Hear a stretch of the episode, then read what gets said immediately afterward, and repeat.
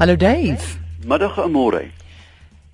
Nou jy weet Suid-Afrika het gaan kers opsteek by die Dene. Veral wanneer dit kom by waterskaarste en hulle sê toe, hoor ekskuus, tog daar's 'n aaklige klank in my oor. Is jou radio af? Ek het geen radio aan nie. O, o. Goed. Ehm um, die Dene blykbaar het sukses met waterskaarste. Hulle sê hulle word nie beïnvloed deur klimaatsverandering of as dit nie reën nie. Die beste is om slegs ondergrondse water te gebruik. Wat dink jy daarvan? Ek dink dit is 'n skrikwekkende oordeelsfout aan Morey om te sê dat die oplossing vir ons waterprobleme gaan deur grondwater opgelos word. Kom, kan ek gou so 'n tree terugstap? Ja. 96% van alle water op aarde lê in die oseane. Dink aan. Slegs 1,7% van hierdie water lê in die grond. Met ander woorde, 2,5% van die alle vars water. Ehm um, van al die water op aarde is vars. 2,5 die res is ys en seewater, né? Nee? Mm. Ehm um, as jy dan uh, die die wel, die ys is natuurlik ook vars water, maar die beskikbare vars water op aarde is minder as 1%. Minder as 1%. Wil jy 'n glas water drink wat gebore is uit Gauteng, die kom van Gauteng met myne wat arseen daarin loog? Tweedens, baie van ons water is brak. Ons weet dit uit die Karoo veral. Ehm um, en ook in Namibië, uh, as as dit kan insluit, het ons probleme met hoë fluoriedladings. Nou al die goed kan uitgehaal word baie maklik tegnologies. Kan jy urine baie vinnig suiwer en dit drink soos die ruimtevaartuie dit uh, doen. Wie die die die mm. International Space Station drink al vir jare hulle eie urine. Daar's niks fout daarmee nie. Uh, daar is baie plekke soos Windhoek wat byvoorbeeld rioolwater ook suiwer. Ek dink aan môre my persoonlike mening is dat ons werklik ingrypend moet kyk na hoe ons water gebruik. Ek sê dit al vir jou vir jare lank. Ons spuit ons tuine nat met suiwer drinkwater. Ons was ons motors met drinkwater, dis gesteriliseerde water. Dis van die min plekke op aarde waar jy eenvoudig kosbare water vir daaglikse gebruik. Jy was jou ruite daarmee. So, dit het ons ook al herbesoek. Ons moet ingrypend kyk na hoe ons water aanwend. Um en hoe ons water onderskep. Dit is warm aan môre, jy weet hoe warm dit is die water wat uit lugverkoelingsstelsels reg oor Suid-Afrika kom, kan gemeenskappe aan die gang hou. Op die oomblik loop dit eenvoudig af na die riviere of na die na die stormwater. Ehm um, kan jy dink dink 'n bietjie aan al die inkopiesentra en al die hospitale se dakke. Ons kan damme en damme en damme water onderskep en dit gebruik. So, ek dink ons moet 'n ernstige en ingrypende herbesinning van ons toepassing van die water wat ons het. As ons net dit regkry. Hm. Dankie aan die dene. Baie dankie. Dan kan hulle inkom en sê, "Hoe kan ons dit een suiwer, twee versprei?" Maar grondwater amore in sommige gevalle is meer as 'n miljoen jaar oud. En dit kom van ver af, van Piet Leroux se plaas. En een van die dae kort voor lank gaan grondwater ernstig belas word. Ons gaan begin betaal daarvoor want amorei dit gaan opraak. So, mm. herbesinning eerder as tegnologie gaan. Ja, tegnologie gaan ons help nadat ons besin het. Anna Du Plessis wil weet sy sê as er nou soveel water onttrek word uit die grond, gaan dit dalk uh, groot leemtes veroorsaak of ruimtes ondergronds en kan dit dalk aardbewings veroorsaak.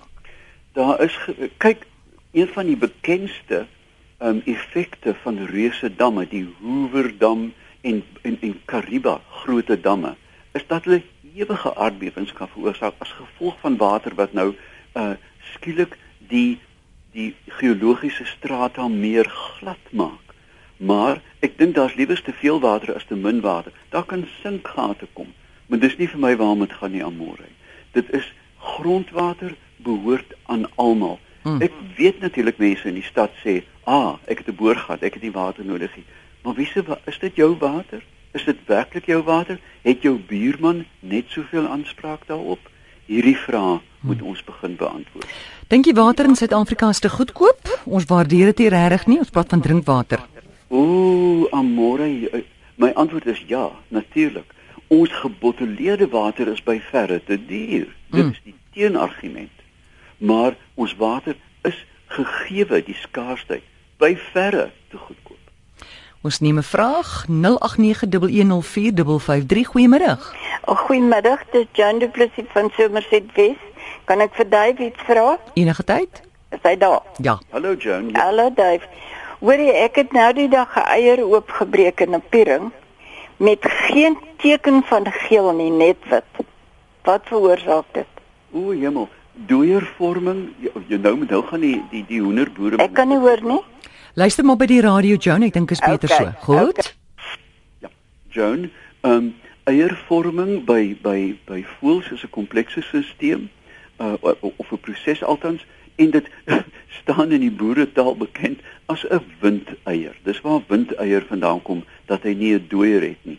Ek dink dit sal onwaarskynlik wees dat een voël of een hen uh deurlopend windeiers gooi, maar dit is wel nie onbekend nie. Dit is niks vreemd nie. Ons vat nog 'n oproep Charlotte, goeiemiddag. Hallo, goeiemôre aan Morey Christo Salms hier van Pretoria. Uh, ek wil net by Dave hoor aangesien ons nou so praat van die uh, water. Uh, ek het ek het 'n boorgat en die boorgat het baie bebrak kalkwater. Hoe kan ek maak om daai van daai kalk en daai brak ontslae te raak? Ek sal sommer luister by die radio, okay? Goed Christo? Die maklike manier uiteraard en dit is natuurlik lang 'n lang proses is om die water af te damp want die soutte sal dadelik agterbly. Jy weet hoe 'n pot kan aanslaan, 'n ketel kan Mm. aanslaan. Uh, my vriende in Namibië op die Gamsberg, hemel daai pot se bome seker dit jy weet 2 cm dik. Jy moet hom nou en dan met 'n hamer slaan. Dan is daar industriële prosesse, maar ek dink vir Jan Alleman en die gebruik van water is dit te duur om dit te ontkalk. Ehm um, dit is 'n redelike ingewikkelde proses. Daar is nie 'n kort pad vir ontkalking van ketel of van kraan na koppie nie. Goed. Ludwig Venter sê ek sal dit baie waardeer as Dave die volgende vraag kan beantwoord. In die diereryk is dit baie algemeen dat die manlike spesies die meer kleurvolle en aantreklike een is, teenoor die vaal en oninteressante wyfie. Nou, in die Homo sapiens is dit ook so die geval alhoewel ek nooit sal saamstem nie, maar hoekom sou dit anders wees vir die mens? O, dis 'n wie wat 'n lekker vraag. nou, ehm um, manlike organismes in die diereryk is pierewaaiers. Is dit 'n lekker woord? Dis 'n wonderlike woord. Mens kry dit in die menseryk ook. Ek weet, jy weet baie baie mense se piere waai natuurlik meer as ander. Ja. Maar dit nou daar gelaat. Ehm um, en vroue selekteer dan die manlike dier op die kleurvolheid want daar's 'n ekologiese koste. As jy geel vere wil hê, moet jy baie wurms kan eet wat beta-karotien bevat byvoorbeeld. As jy wil vlieg met 'n lang stert, moet jou vlerke sterk wees en dit beteken jy gaan 'n baie goeie pa wees vir die kleintjies indien jy nou by die antie sal uitkom.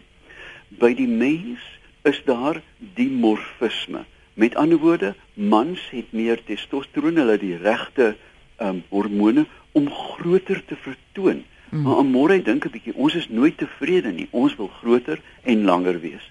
Gevolglik het ons die skouer opstop van manspakke sodat sy skouer kan groter lyk en in die middeleeue was daar die befaamde en die mens lag jou byna dood bekend as die cod piece waarin fop penis dan deur die gulp van die man dis gewoonlik van hout of van van papier gemaak en dat hulle met hierdie reusagtige krom fop penisse rondgestap en gedink hulle gaan die vrouens beïndruk. Nou ja jy weet ons weet wat dan gebeur.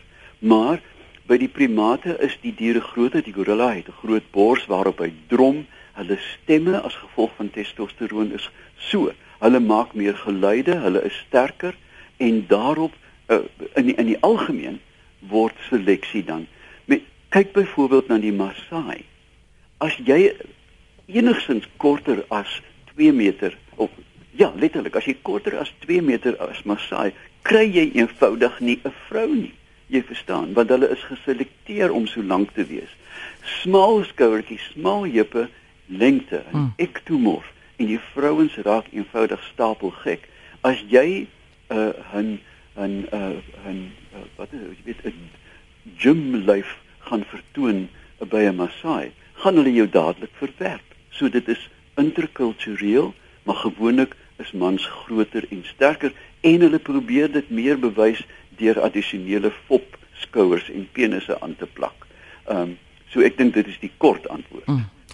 Goed, Joey sê na aanleiding van wat jy nou gesê het oor die boorgat water, jy weet dat dit behoort kan eintlik aan almal behoort. Jy jy kan jy het nie aanspraak daaroor as dit net in jou tuin is nie. Sy sê maar wie betaal vir die sink van die boorgat, die instandhouding, elektrisiteit en die pomp?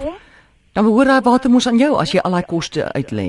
Nie noodwendig nie. Ehm um, indien jy 'n uh, besluit in plaas van 'n klein motortjie met 'n V8 motor te ry en die lug te besoedel, uh, is die gelyke.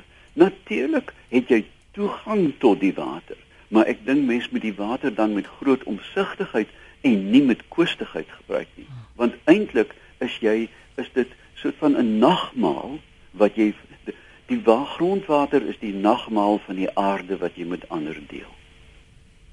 Och, dis mooi sê gou weer. Grondwater Mm. is die nagmaal van die aarde wat jy met ander deel. Ons drink uit dieselfde beker. Goed. Laaste vraag, hoe vinnig iemand vra kan jy vir voels mufbrood gee? Absoluut. Jy kan vir hulle muf enige iets gee. Inteendeel daar's baie mufsoorte wat die mens ook kan eet soos met kaase, soos ons al te goed weet. Ehm um, daar's heelwat voedsel, jy weet, olywe wat gegis word, bier is muf, né? Nee? Mm. Ehm um, daar is natuurlik van hierdie ehm uh, muwe, uh, organismes wat toksies is, maar vir voëls absoluut. Gee dit met oorgawe. Goed, dis dis goed om te hoor. Dankie Dave.